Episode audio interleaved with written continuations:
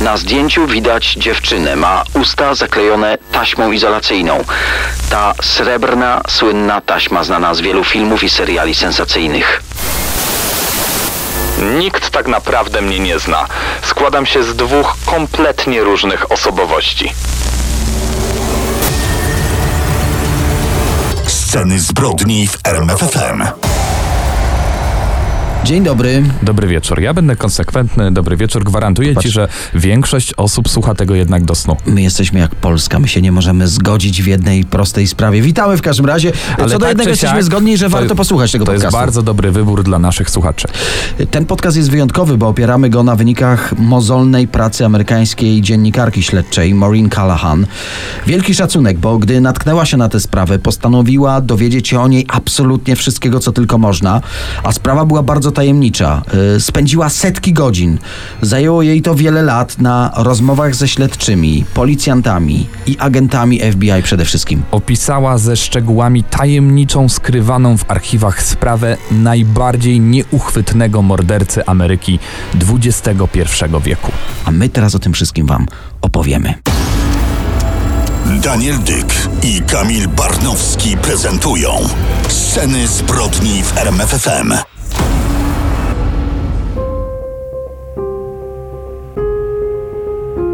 Jest godzina 17.48. Piątek, 13 marca 2012 roku. Mężczyzna zatrzymany pod pretekstem przekroczenia prędkości o zaledwie 4 km na godzinę zostaje osadzony w sali konferencyjnej prokuratury federalnej. To właśnie podczas tego spotkania padną słowa, które zdecydują o uznaniu go za jednego z najbardziej nieuchwytnych seryjnych morderców XXI wieku, a media nazwą go amerykańskim drapieżnikiem.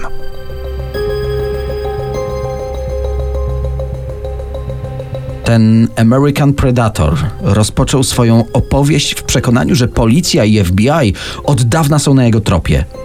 W rzeczywistości służby niczego o nim nie wiedzą. Nie podejrzewają nawet o jakich zbrodniach usłyszą podczas najbliższych miesięcy, podczas szeregu podobnych przesłuchań. Ale zostańmy przy tym pierwszym.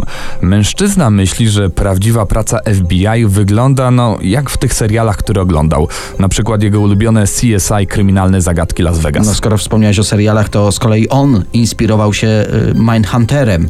Y, To ten serial wywarł na nim tak ogromny wpływ, że w pewnym sensie ukształtował jego drugie ja. Generalnie wie, co go czeka. Już na początek stawia warunki. Mają mu zapewnić, że nie spotka go kara śmierci i że nic z tego, co powie, nie wycieknie do mediów. Nie chce, by jego córka dowiedziała się, jakim złym jest człowiekiem. Przesłuchujący go nie mogą się zgodzić. Nawet nie wiedzą, na co się zgadzają, nie wiedzą, co od niego usłyszą.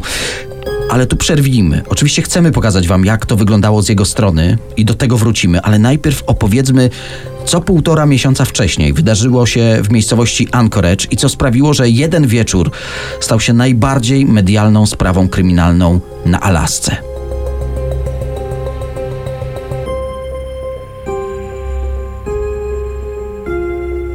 Jak już wspomniałeś, nasz dzisiejszy podcast zaczniemy od końca. Tak, bo właściwie od końca tę sprawę poznali śledczy i właśnie początkiem końca tej sprawy było zaginięcie dziewczyny serwującej kawę w przydrożnym barze na Alasce. Właściwie ten bar to tak naprawdę budka, taki mały kiosk. Parkujesz, podchodzisz do małej lady i zamawiasz kawę na wynos. Ten kiosk stoi na poboczu czteropasmowej, dość ruchliwej drogi.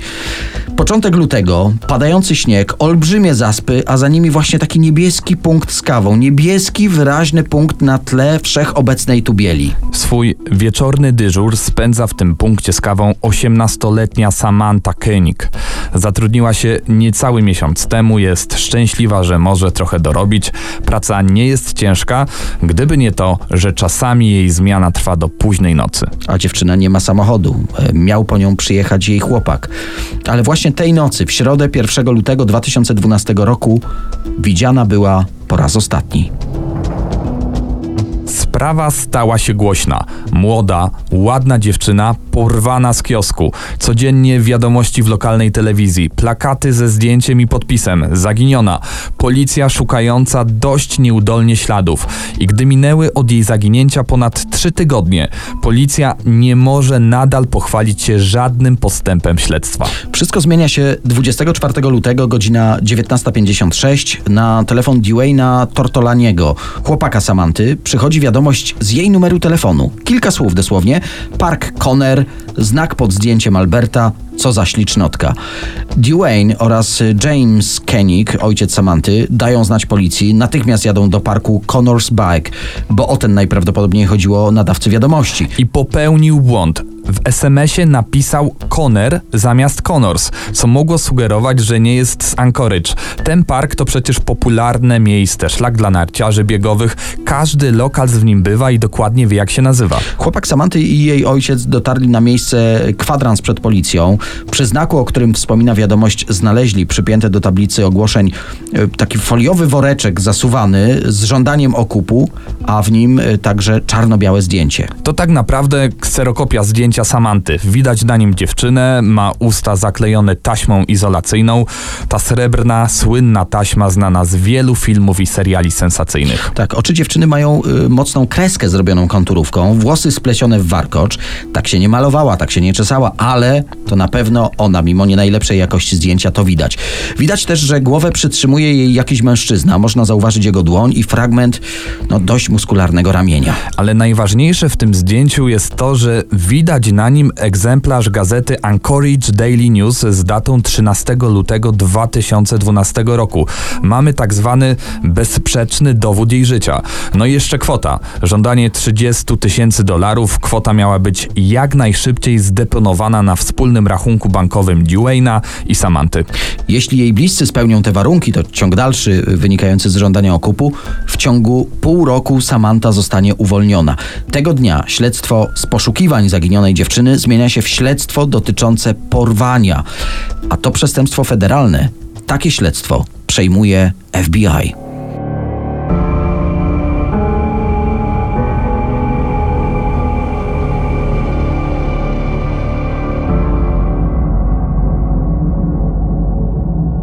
Zaczęła się analiza wszelkich śladów, jakie porywacz mógł zostawić na żądaniu okupu. Poszukiwano DNA, odcisków palców. Badano, jakiej maszyny do pisania użył sprawca, jaka w niej była taśma, na jakim papierze wydrukowano, jakim tuszem, na jakiej kopiarce wykonano odbitkę tego zdjęcia. Dosłownie wszystko, co mogło pomóc ustalić klienta któregoś ze sklepów sprzedających taki właśnie asortyment. Co zaskakujące, nie znaleziono absolutnie żadnych śladów biologicznych, nie było nawet fragmentu odcisku palca, ale to, co zaskoczyło agentów, to, że w żądaniu okupu no, roiło się od, od literówek. Może celowo je zrobiono, by zmylić trop i wskazać kogoś mało inteligentnego. Tak, bo dotychczasowy przebieg poszukiwań sugerował coś wręcz, no, przeciwnego. Nawet sposób, w jaki sprawca podrzucił ten list świadczył o tym, że to działanie kogoś perfekcyjnie planującego. Zastanawiała też wysokość tego okupu. Tylko 30 tysięcy dolarów. Przecież w mediach było głośno o tym, że ponad dwa razy więcej udało się zebrać na specjalnym funduszu, jaki ojciec Samanty założył, by, by finansować poszukiwania. Dlaczego nie chciał wyższej kwoty? A może te informacje jakimś cudem przegapił? To wskazuje jasno, że musiało go nie być w ostatnim czasie na Alasce. Policja monitorowała komórkę Samanty. Wylogowała się z sieci w noc porwania, później pojawiła się tylko na chwilę. I właśnie ta komórka oraz karta płatnicza to były jedyne łączniki z porwaną. Postanowiono więc, że okup zostanie wypłacony, ale nie od razu i nie cały. W taki sposób próbowano grać z porywaczem. Pięć dni później ojciec Samanty James wpłaca na konto 5 tysięcy dolarów i właściwie tego samego dnia niemal natychmiast była próba wypłaty części tej sumy. Śledczych od razu zastanowiło, skąd wiedział, że można już wybrać pieniądze. A może był w zmowie z ojcem dziewczyny i od niego dowiedział się, że suma już wpłynęła. Okazało się, że był to po prostu zbieg okoliczności, ale przez chwilę rzeczywiście James Koenig był głównym podejrzanym y, w myśl znanej zasady, że zwykle sprawcą jest ktoś z najbliższego otoczenia. Sprawca dokonał kilku wypłat, na tyle na ile pozwalały limity. Y, Policjanci więc uzyskali zapis kilku kilku zdjęć, które zarejestrowały kolejne kamery w bankomatach. W roku 2012 jednak, dodajmy, tym kamerom no, daleko było do jakości HD. Zdjęcia były niewyraźne, zrobione nocą, co też nie pomagało. Ale a propos kamer, to też ważny wątek śledztwa. Dopiero trzy tygodnie po porwaniu ktoś wpadł, żeby sprawdzić, co zapisały kamery monitoringu w centrum handlowym w pobliżu budki z kawą, w której pracowała Samantha. Dlaczego nikt nie sprawdził tego po zaginięciu dziewczyny? Można było już wtedy namierzyć porywacza. Tak, zwłaszcza, że to był jedyny duży parking w okolicy. No i rzeczywiście, tuż przed porwaniem zauważono parkującego białego pick-upa bez tablic rejestracyjnych. To już jest podejrzana sprawa. Kierowca podjechał, no i przez 10 minut siedział w środku, dopiero potem wysiadł i zniknął z kadru. Ale po 20 minutach pojawił się ponownie i tym razem prowadził ze sobą dziewczynę. Obejmował jej ramiona, mijali innych ludzi, no nikt nie zwrócił na nich uwagi. Zaczęli przechodzić przez pasy i wtedy dziewczyna wyrwała się porywaczowi i próbowała uciec. No jednak miała związane ręce z tyłu, zresztą duży facet dogonił ją w kilka sekund, przewrócił na ziemię, następnie podniósł ją, co widać Powiedział coś jej wprost do ucha, prawdopodobnie groził jej, no i później już taką właśnie potulną zaprowadził do tego białego pick-upa. Nie odjechali od razu, siedzieli dłuższą chwilę, tak jakby czekali, aż odjedzie samochód, przy którym krzątała się jakaś para, bardzo blisko nich. Może gdyby wtedy Samantha krzyknęła, dała jakikolwiek znak. Śledczym udało się jedynie ustalić, że ta biała półciężarówka to Chevrolet, czyli najpopularniejszy samochód na Alasce. Nie mieli tak naprawdę żadnego tropu, którego mogli się chwycić.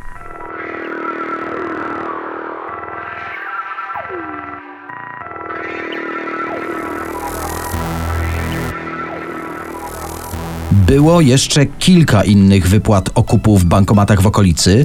Nagle ustały, mimo że nie został wykorzystany cały limit ale FBI miała sporo zdjęć do analizowania. 7 marca karty płatniczej użyto tysiące kilometrów dalej, w Arizonie, później w Nowym Meksyku, kilka dni później w miejscowości Shepard w Teksasie. No to ostatnie logowanie to był 12 marca około 2.47 w nocy. Oczywiście zdjęcia z tych bankomatów znowu zostały pobrane. Mężczyzna wysoki, barczysty, zamaskowany, w białych butach, parkował zwykle poza zasięgiem kamer.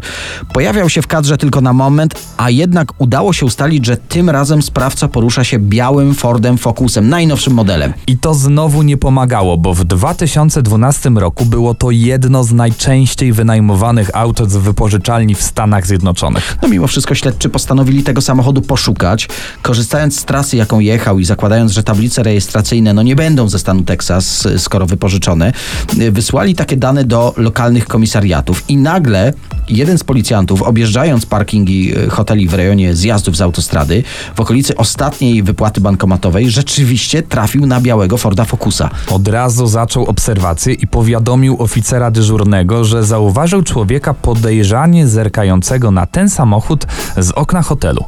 No, intuicja mówiła, że to on, ale to jednak za mało. Nie było podstaw, by go aresztować, więc policjanci zaczekali, aż gość hotelu wsiądzie do swojego auta i jechali za nim.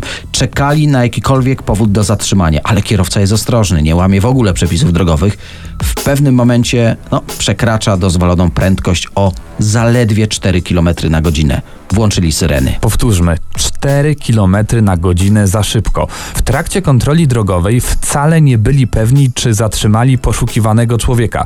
Zauważyli, że sprawca no bardzo się poci, mimo że o poranku nie było jeszcze bardzo gorąco. Gdy skontrolowali jego prawo jazdy, okazało się, że jest zameldowany na Alasce. No to już, to już coś. Że nazywa się Israel Keys. W samochodzie dostrzegli też białe tenisówki odpowiadające butom, które mogły zarejestrować kamery monitoringu. Ale to wciąż za mało. W kieszeni drzwi od strony pasażera był zwitek banknotów związanych gumką. W dodatku ten zwitek był zabarwiony czerwonym tuszem. Banki używają właśnie takiego tuszu, żeby zabezpieczyć banknoty przed kradzieżą. Był to już jakiś pretekst do przeszukania samochodu. Znaleziono też laptop, y, telefon komórkowy, o to właśnie ciekawe. Telefon komórkowy z wyciągniętą kartą SIM, z wyciągniętą baterią. No kto tak robi, prawda? Dostrzegli też papierowe mapy. Kierowca nie korzysta z nawigacji GPS. No to dość podejrzane. Ewidentnie nie chciał zostawić za sobą elektronicznego śladu. Znaleziono także lornetkę, czarną kominiarkę i pistolet. No ale mógł być legalny. Na szczęście prawo jazdy kierowcy od miesiąca było nieważne. to było dostateczną podstawą, by zabrać go na komisariat. I tu wracamy do opowieści Izraela Kisa. W trakcie przesłuchania, na które dotarli do Teksasu prowadzący tę sprawę śledczy z FBI.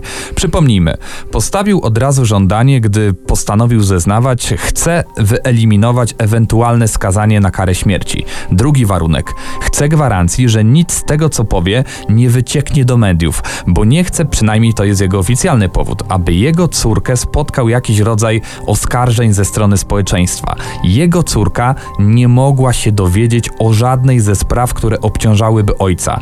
Nie chce, żeby się dowiedziała, że tatuś jest złym człowiekiem. Na razie śledczy nie wiedzieli, o jakie sprawy może chodzić. Pozwolili mu zeznawać. Tuż po 19, pamiętnego 1 lutego 2012 roku, Izrael Kis y, wyjechał białym pick-upem Chevroleta z przydomowego podjazdu i udał się do hipermarketu budowlanego. Od dwóch lat zaledwie mieszkał na Alasce, ale tę drogę akurat znał dobrze. Wiele razy przejeżdżał tędy, by zorientować się, kto siedzi w kiosku sprzedającym kawę przy tej drodze. Zauważył, że to głównie młode, drobne dziewczyny. Nie powinno być z nimi kłopotu. Po kilku wieczorach obserwacji zdecydował się obrabować sklepik. Była pewna trudność. Kiosk stał przy bardzo ruchliwej drodze, ale pomogły mu obfite opady śniegu. Sprawiły, że zaspa sięgała prawie półtora metra wysokości i z przejeżdżających samochodów wnętrze kiosku było praktycznie niewidoczne. Postanowił poczekać prawie do pory zamknięcia, gdy już będzie miał no, praktycznie pewność, że nie pojawi się żaden przypadkowy klient. Kupił sobie trochę słodyczy, jakby szedł do kina, a nie na taką akcję. Mm, zaparkował w pobliżu centrum handlowego, przeszedł na drugą stronę ulicy, żeby dojść do tego kiosku, który sobie upatrzył, a wybrał go, to też bardzo ciekawa historia, wybrał go, bo jak to powiedział, był otwarty do późna. Następnie obszedł go kilka razy, obserwując okolice. W końcu podszedł do okienka, postawił na ladzie termos, zamówił americano. Młoda kobieta, drobna, ładna i zupełnie sama. To właśnie Samantha Koenig podała mu napełniony termos i wtedy wyciągnął pistolet, wymierzył w nią i powiedział: To jest napad. Podniosła ręce do góry, kazał jej zgasić światło. Była tak przerażona, że właściwie nie krzyczała, tylko cofnęła się w głąb kiosku. I to nie wszystko. Izrael miał w uchu słuchawkę od skanera częstotliwości policji. Wiedział więc, że nie wcisnęła przycisku alarmowego. Żaden patrol do nich nie jechał. Kazał jej wyjąć gotówkę z kasy. Zrobiła to. Kazał jej uklęknąć. Zrobiła to. Robiła wszystko automatycznie. Jak powiedział, w tym momencie czuł się władcą. Czuł się niezniszczalny, bo się bała. Potem zwinnie przeskoczył przez ladę i już był w kiosku. Kazał jej odwrócić tabliczkę z napisem otwarte, obserwował cały czas parking i ludzi wychodzących z pobliskiej siłowni. Nie śpieszył się, miał wszystko pod absolutną kontrolą. W tym czasie założył y, opaski zaciskowe na nadgarstki dziewczyny. W jej usta, y, by nie krzyknęła, włożył stos zwiniętych serwetek. Przyłożył do jej żeber pistolet, zagroził, że ją zabije. No i mając ją już pod całkowitą kontrolą, wyszli na zewnątrz. Poprowadził Samantę do samochodu. Wrócimy do tych wydarzeń tej nocy, ale teraz muszę coś wtrącić.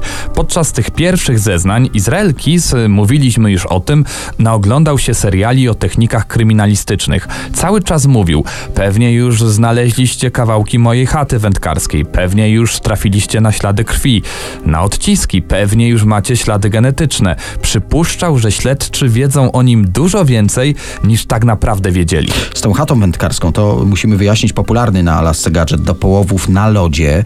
Jeździł z nią nad jezioro Matanuska. Ustawił tę chatę na środku jeziora, gdzie spodziewał się największej głębi.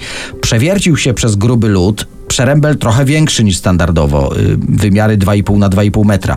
I do tego przerębla od samochodu aż na środek jeziora ciągnął na saniach worki. Przez trzy kolejne dni zwoził tu nieprzemakalne torby i wrzucał je do przerębla. Śledczy, spodziewając się najgorszego, pozwolili mu powiedzieć, co w tych torbach przewoził.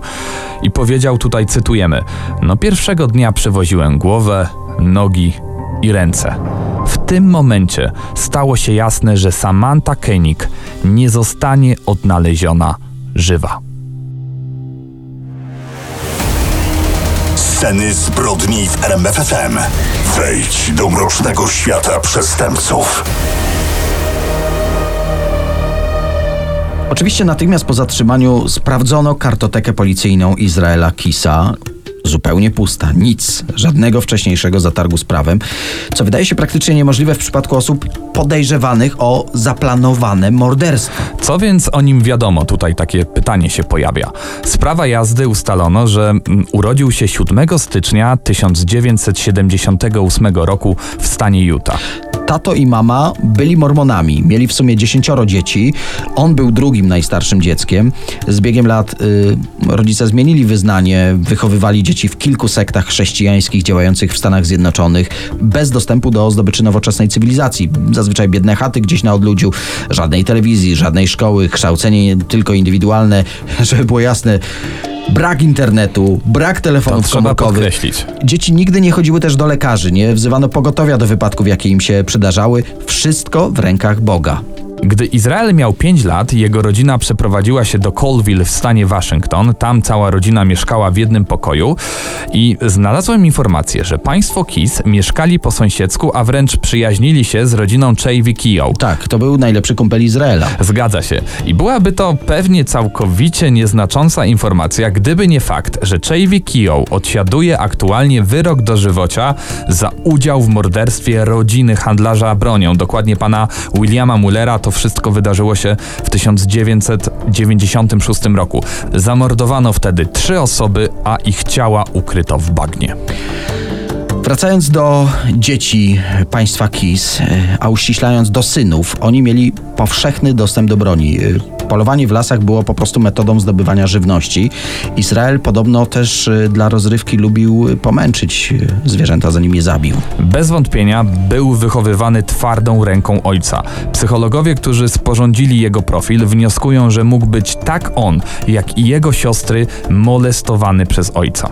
No coś mogło w tym być, bo Izrael w końcu oznajmił rodzicom, że nie wierzy w Boga, że wyprowadza się. Nawet wytatuował sobie na piersi odwrócony krzyż, czyli znak satanistyczny. Na karku kazał sobie wytatuować pentagram. Pomieszkiwał później w małych miejscowościach, jakby unikał metropolii, zmieniał miejsce zamieszkania co mniej więcej 5-6 lat. W końcu jednak ustatkował się, założył rodzinę. Przez dłuższy czas związany był z dziewczyną mieszkającą na terenie indiańskiego rezerwatu. Mówił o niej, była żona, mają dziecko, córkę. Zabrał potem do siebie ją, gdy przeprowadził się na Alaskę, gdzie aktualnie mieszka ze swoją nową narzeczoną. W 98 roku, to też e, ważny wątek, wstąpił do wojska, służył w 25. Dywizji Piechoty w zespole moździerzy. Między innymi stacjonował na misji na Półwyspie Synaj. Po trzech latach opuścił armię, podczas służby otrzymał całą masę odznak wojskowych i medali, między innymi odznakę specjalisty piechoty i odznakę szturmową. No właśnie, dodajmy, że z wyróżnieniem też zdał wojskowy test kwalifikacyjny do piechoty górskiej, a to jest naprawdę morderczy, dwumiesięczny trening. Żeby było jasne, połowa kandydatów, połowa odpada już w pierwszym tygodniu, a on skończył dwumiesięczne szkolenie i to z wyróżnieniem. Twardy facet, e, ekspert od broni palnej, ekspert od ładunków wybuchowych. Jego koledzy nazywali go po prostu super żołnierzem. Jego przyjaciele z wojska też powiedzieli, że no był bardzo cichym, niewylewnym człowiekiem, tak naprawdę bezproblemowym. No oprócz tego, że w weekendy upijał się często bourbonem, który tak naprawdę uwielbiał. Był też wielkim fanem zespołu Insane Clown Pose i to taki hardcore rap. Wszyscy w zespole mają pomalowane na biało-czarno twarze, bardzo brutalne teledyski i bardzo brutalne teksty. Wróćmy jednak do wątków rodzinnych. Śledczy skontaktowali się z jego mamą Heidi. Mimo, że nie przekazała żadnych ważnych szczegółów, to jednak zwróciła uwagę e, prowadzących śledztwo na to, że syn regularnie podróżował. Nigdy się z tych podróży nie tłumaczył, zdawkowo o nich opowiadał. Zazwyczaj były to podróże samochodowe, no i potrafił znikać nagle. Wychodził na przykład do mechanika samochodowego, tak mówił, a wracał po dwóch, trzech dniach zupełnie ubłocony. Czyżby wtedy polował na ludzi? Czy były inne Samanty? Bardzo ciekawe też jest to, że Izrael Kiz rozważał pracę w policji, bo jak powiedział, w żadnym innym zawodzie nie można za kimś jechać, kontrolować go, skuwać kajdankami, a później taką zniewoloną osobę mógłby na przykład wykorzystać wedle swojego uznania i fantazji. To skoro wspomniałeś o planach zawodowych, policjantem nie został, ale w 2007 roku założył firmę budowlaną. Zresztą całkiem dobrze prosperowała. W okolicy uznawany był za złotą rączkę, specjalistę specjalistę od wszelkich napraw, ale jak złowrogo brzmi slogan ze strony internetowej tej firmy w kontekście podejrzeń, że y, Izrael Kiss może być seryjnym mordercą. Na tej stronie internetowej swojej firmy budowlanej chwali się hasłem Jeszcze nie trafił mi się niezadowolony klient.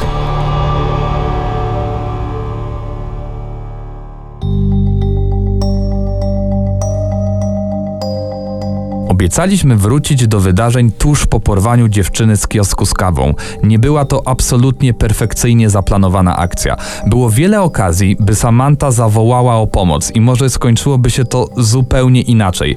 Mówiliśmy, że była okazja już na parkingu pod kioskiem, gdy się wyrwała na chwilę porywaczowi.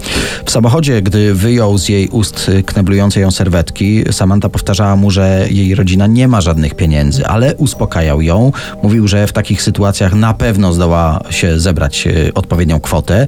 Chciałby po prostu, myślała, że chodzi jedynie o okup. E, na zmianę mówił, że ją puści, a tu znowu groził bronią, że jak spróbuje uciec, to źle się to dla niej skończy. W końcu ruszyli w kierunku jego domu i wtedy na światłach zatrzymali się tuż obok radiowozu policyjnego. Samantha nie zrobiła nic, by dać im znać. Gdy zapaliło się zielone, radiowóz spokojnie odjechał. Pojechali do parku w pobliżu domu porywacza i tam było kilka osób, które szły w stronę jego samochodu, ale i wtedy Samantha nie skorzystała z szansy na ucieczkę. Porywacz spiął ze sobą kilka opasek zaciskowych i tak przywiązał ręce dziewczyny do pasa bezpieczeństwa. Kazał też jej położyć się z tyłu samochodu, przykrył ją płachtą, którą woził w aucie. No, nie chciał chyba, żeby wiedziała, dokąd ją wiezie, żeby nie rozpoznała ani drogi, ani domu, do którego ją zawoził. Ale wtedy zdał sobie sprawę, że potrzebuje jej telefonu, by komuś dać znać, że będzie chciał okup. Wrócił więc do kiosku, z którego porwał Samantę. Przy okazji zdał sobie sprawę, że nie zamknął tego kiosku na klucz, więc naprawił błąd. Poukładał porozrzucane rzeczy tak, aby nie było śladów jego obecności w tym kiosku. W końcu, jako że noc ta wydłużała się bez końca, a w samochodzie kończyło się paliwo, pojechał do swojego domu. Tam zostawił dziewczynę w samochodzie, a sam postanowił przygotować dla niej szopę stojącą na podwórzu. Rozłożył na podłodze dużą plandekę, włączył ogrzewanie. Dziewczyna miała więc sporo czasu, by uwolnić się z opasek i uciec, ale i tym razem tego nie zrobiła. Przeprowadził ją do szopy, znów groził, przypominał, że ma skaner policyjny, że usłyszy, gdyby tylko spróbowała wezwać pomoc. Chciał jej karty płatniczej. Dowiedział się, że jest w schowku samochodu jej chłopaka, który jest zaparkowany pod ich wspólnym domem. Kazał podać adres, no i wyobraźcie sobie, że gdy był na miejscu i wyciągnął kartę z samochodu, ze schowka, nagle otworzyły się drzwi pobliskiego domu i stanął w nich na ganku właśnie chłopak Samanty, Dwayne. Patrzyli na siebie w ciemnościach. Izrael był gotów zabić chłopaka, ale wtedy ten, nie wiem, może uznał, że gość tylko stoi koło jego auta. Może nie widział tej wcześniejszej e, akcji z wyciąganiem czegoś ze schowka. No nic nie zrobił, e, wtedy spokojnie wrócił do domu. Izrael popełnił kolejny błąd. I jeszcze jeden. Zapomniał pinu do karty. Znów przyjechał do szopy zapytać dziewczynę. Znów ją tam zostawił, by pojechać do bankomatu i wybrać z konta co się dało. Dziewczyna nie kłamała. Na rachunku były zaledwie 94 centy. Gdy wrócił w końcu do szopy, była już trzecia nad ranem. A my nie wspomnieliśmy jeszcze, że rano w ogóle planował wstać wcześniej i lecieć z córką na dwutygodniową wycieczkę. Postanowił się więc pospieszyć, wtedy już nie zwlekał. E, jak wspomina, dwukrotnie wykorzystał seksualnie Samantę, po czym stanął nad nią nagi, założył skórzane rękawiczki, żeby nie zostawić śladów i e, no, udusił dziewczynę. Dla pewności jeszcze dźgnął ją nożem w plecy. Potem poszedł do domu, wziął prysznic, obudził córkę, żeby się szykowała do ich wspólnego lotu. Wrócił do szopy w tym czasie, zawinął ciało Samanty w plandekę, na której leżała i schował do jednej e, z szafek. Mm, wyłączył wtedy też grzejniki, w końcu przecież wyjeżdżał na dwa tygodnie. I rzeczywiście, wrócił dokładnie 18 lutego. To wtedy zrobił zdjęcie, które załączył do listu z żądaniem okupu. Przypomnijmy, zamordował Samantę dwa tygodnie wcześniej, ale chłód panujący na Alasce doskonale zakonserwował ciało. Musiał sobie tylko poradzić z bladością jej skóry.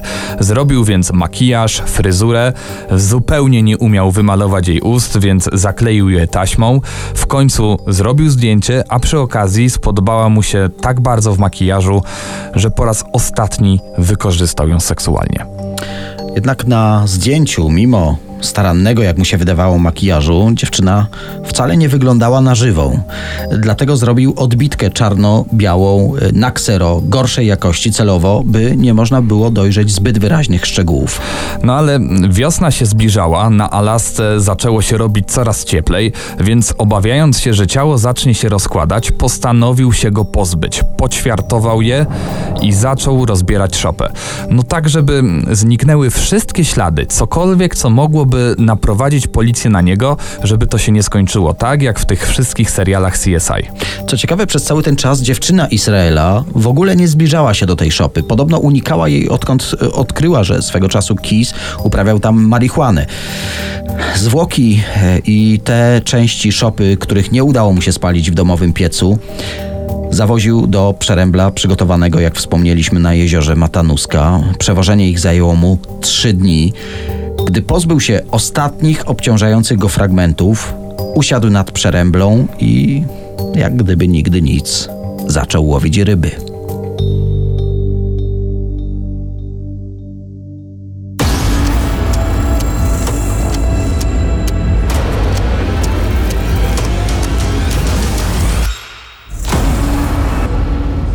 Kilka dni po tym zeznaniu płetwonurkowie policyjni wydobyli zwłoki Samanty. Zgasła więc ostatnia nadzieja rodziny i mieszkańców Anchorage. Dla nich ta historia zakończyła się wraz z pogrzebem, ale dla śledczych to był dopiero początek. Podczas jednego z przesłuchań Kis powiedział, cytuję, Mam jeszcze wiele do opowiedzenia. Powiedział też śledczym: Nikt tak naprawdę mnie nie zna. Składam się z dwóch różnych osobowości. Te osobowości miały w nim żyć od 14 lat. Nie chciał jednak opowiedzieć o niczym pod warunkiem, że spełnią jego nowe żądania. No właśnie, y, zmienił zdanie. Nie chce żyć. Wcześniej jego warunkiem było uniknięcie kary śmierci, a teraz chce jej jak najszybciej. Chce przyspieszenia wykonania wyroku. Śledczy więc próbowali odkryć sami jego mroczne tajemnice. W odnalezionym laptopie, który Kiz rozbił na kawałki, uratowali jeden dysk i odnaleźli na nim setki zdjęć zaginionych osób. Kobiet i mężczyzn w każdym wieku. Młodym, w wieku średnim i podeszłym. Białych i czarnych, szczupłych i z nadwagą, zamożnych i zadbanych oraz prostytutek, narkomanów, bezdomnych. Ludzi tak naprawdę wszelkich typów. I czy to ofiary Kisa, czy jakieś jego niezdrowe zainteresowania zaginionymi i porwanymi. No nie chciał tego wyjaśnić, ale z czasem, by przyspieszyć wykonanie tego upragnionego wyroku śmierci, zaczął ujawniać kolejne swoje zbrodnie i e, na przykład ze szczegółami opowiedział, jak zamordował starsze małżeństwo w stanie Vermont. Wybrał ich dom, bo we wszystkich innych w tej dzielnicy były czujniki ruchu włączające światło wokół domu, a u nich nie. No poza tym Szukał nowych wrażeń, chciał spróbować starszych. Dlatego włamał się do ich domu, związał małżeństwo i wywiózł do opuszczonej chaty za miasto. Chciał oboje zgwałcić, torturował ich, ale mężczyzna no po prostu zaczął się mu stawiać. Dlatego go zastrzelił. Jego żonę dwukrotnie wykorzystał seksualnie, a następnie udusił, ale tak, by przed śmiercią patrzyła na zastrzelonego męża. Przyznał się, że porwał i zamordował również cztery inne osoby w latach 2001-2005. Wśród nich miała być e, matka z córką, które spotkał na jednym ze szlaków po amerykańskich rezerwatach. Po prostu zastrzelił je w biały dzień na uczęszczanej trasie. Kis przyznał się też do kilku napadów na banki, innymi w Nowym Jorku i w Teksasie. FBI potwierdziło później, że rzeczywiście obrabował w 2009 roku bank w Nowym Jorku. Ustalili również, że włamał się do około 30 domów w całym USA, a niektóre z nich później podpalał. Miał także spalić kościół, to byłoby coś, taka fantazja, prawda? Opowiedział również, że lubił wyszukiwać małe miejscowości, takie miał hobby. E, miejscowości, w których nie było zabójstw, w których policjanci nie nawykli do prowadzenia takich śledztw, no i planował sobie, to była jego pasja, co i komu może tam zrobić. No bo to był jego model działania. Podróżował po odległych, całkowicie mu obcych terenach w USA, tak naprawdę po całych Stanach Zjednoczonych. Zazwyczaj poruszał się wynajętym samochodem, w dogodnych miejscach budował skrytki, które miały mu się przydać w przyszłości. te skrytki, o których powiedziałeś, to plastikowe beczki wkopywane w ziemię, w których ukrywał broń, plandeki czy sznury do wiązania ofiar. Jak to skrytki ze sprzętem do zabijania. Ale posiadał też takie małe działki, na przykład w Nowym Jorku. To prawdopodobnie były jego takie bazy wyjściowe. Bezpieczne, ustronne miejsca, w których mordował porwanych ludzi. Był drapieżnikiem e, znacznie wcześniej planującym polowanie.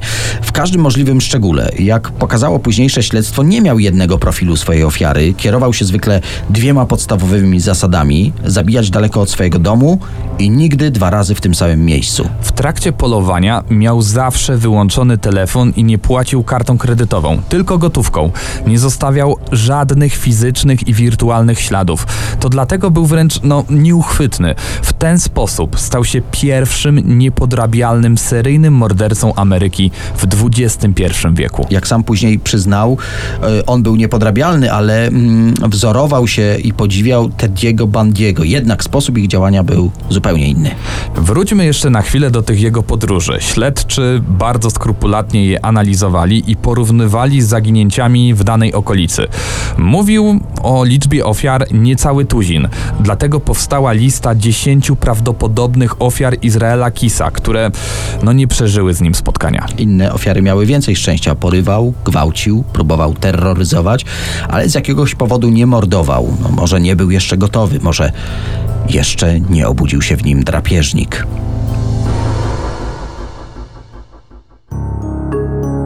Nie zdążył o wszystkim opowiedzieć.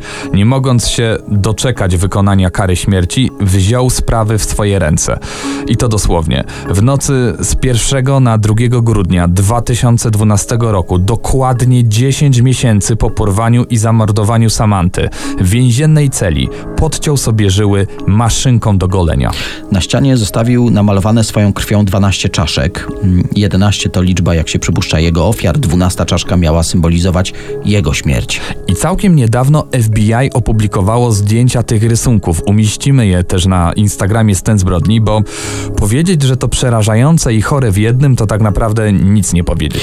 Były na ścianie celi jeszcze dwa napisy. Y, Nazwa miejscowości, jak się przypuszcza, zostawił śledczym taką y, kolejną wskazówkę od siebie, gdzie szukać y, następnej z jego ofiar. Belize. No i tajemnicze słowa, prawdopodobnie skierowane do jego ofiar. Jesteśmy jednym. Płatni zabójcy, seryjni mordercy i sceny zbrodni w RMFFM. Musicie przyznać, że to jedna z bardziej pokręconych historii, jaką opowiadaliśmy w scenach zbrodni. No, świetną robotę dziennikarską wykonała pani Maureen Callahan.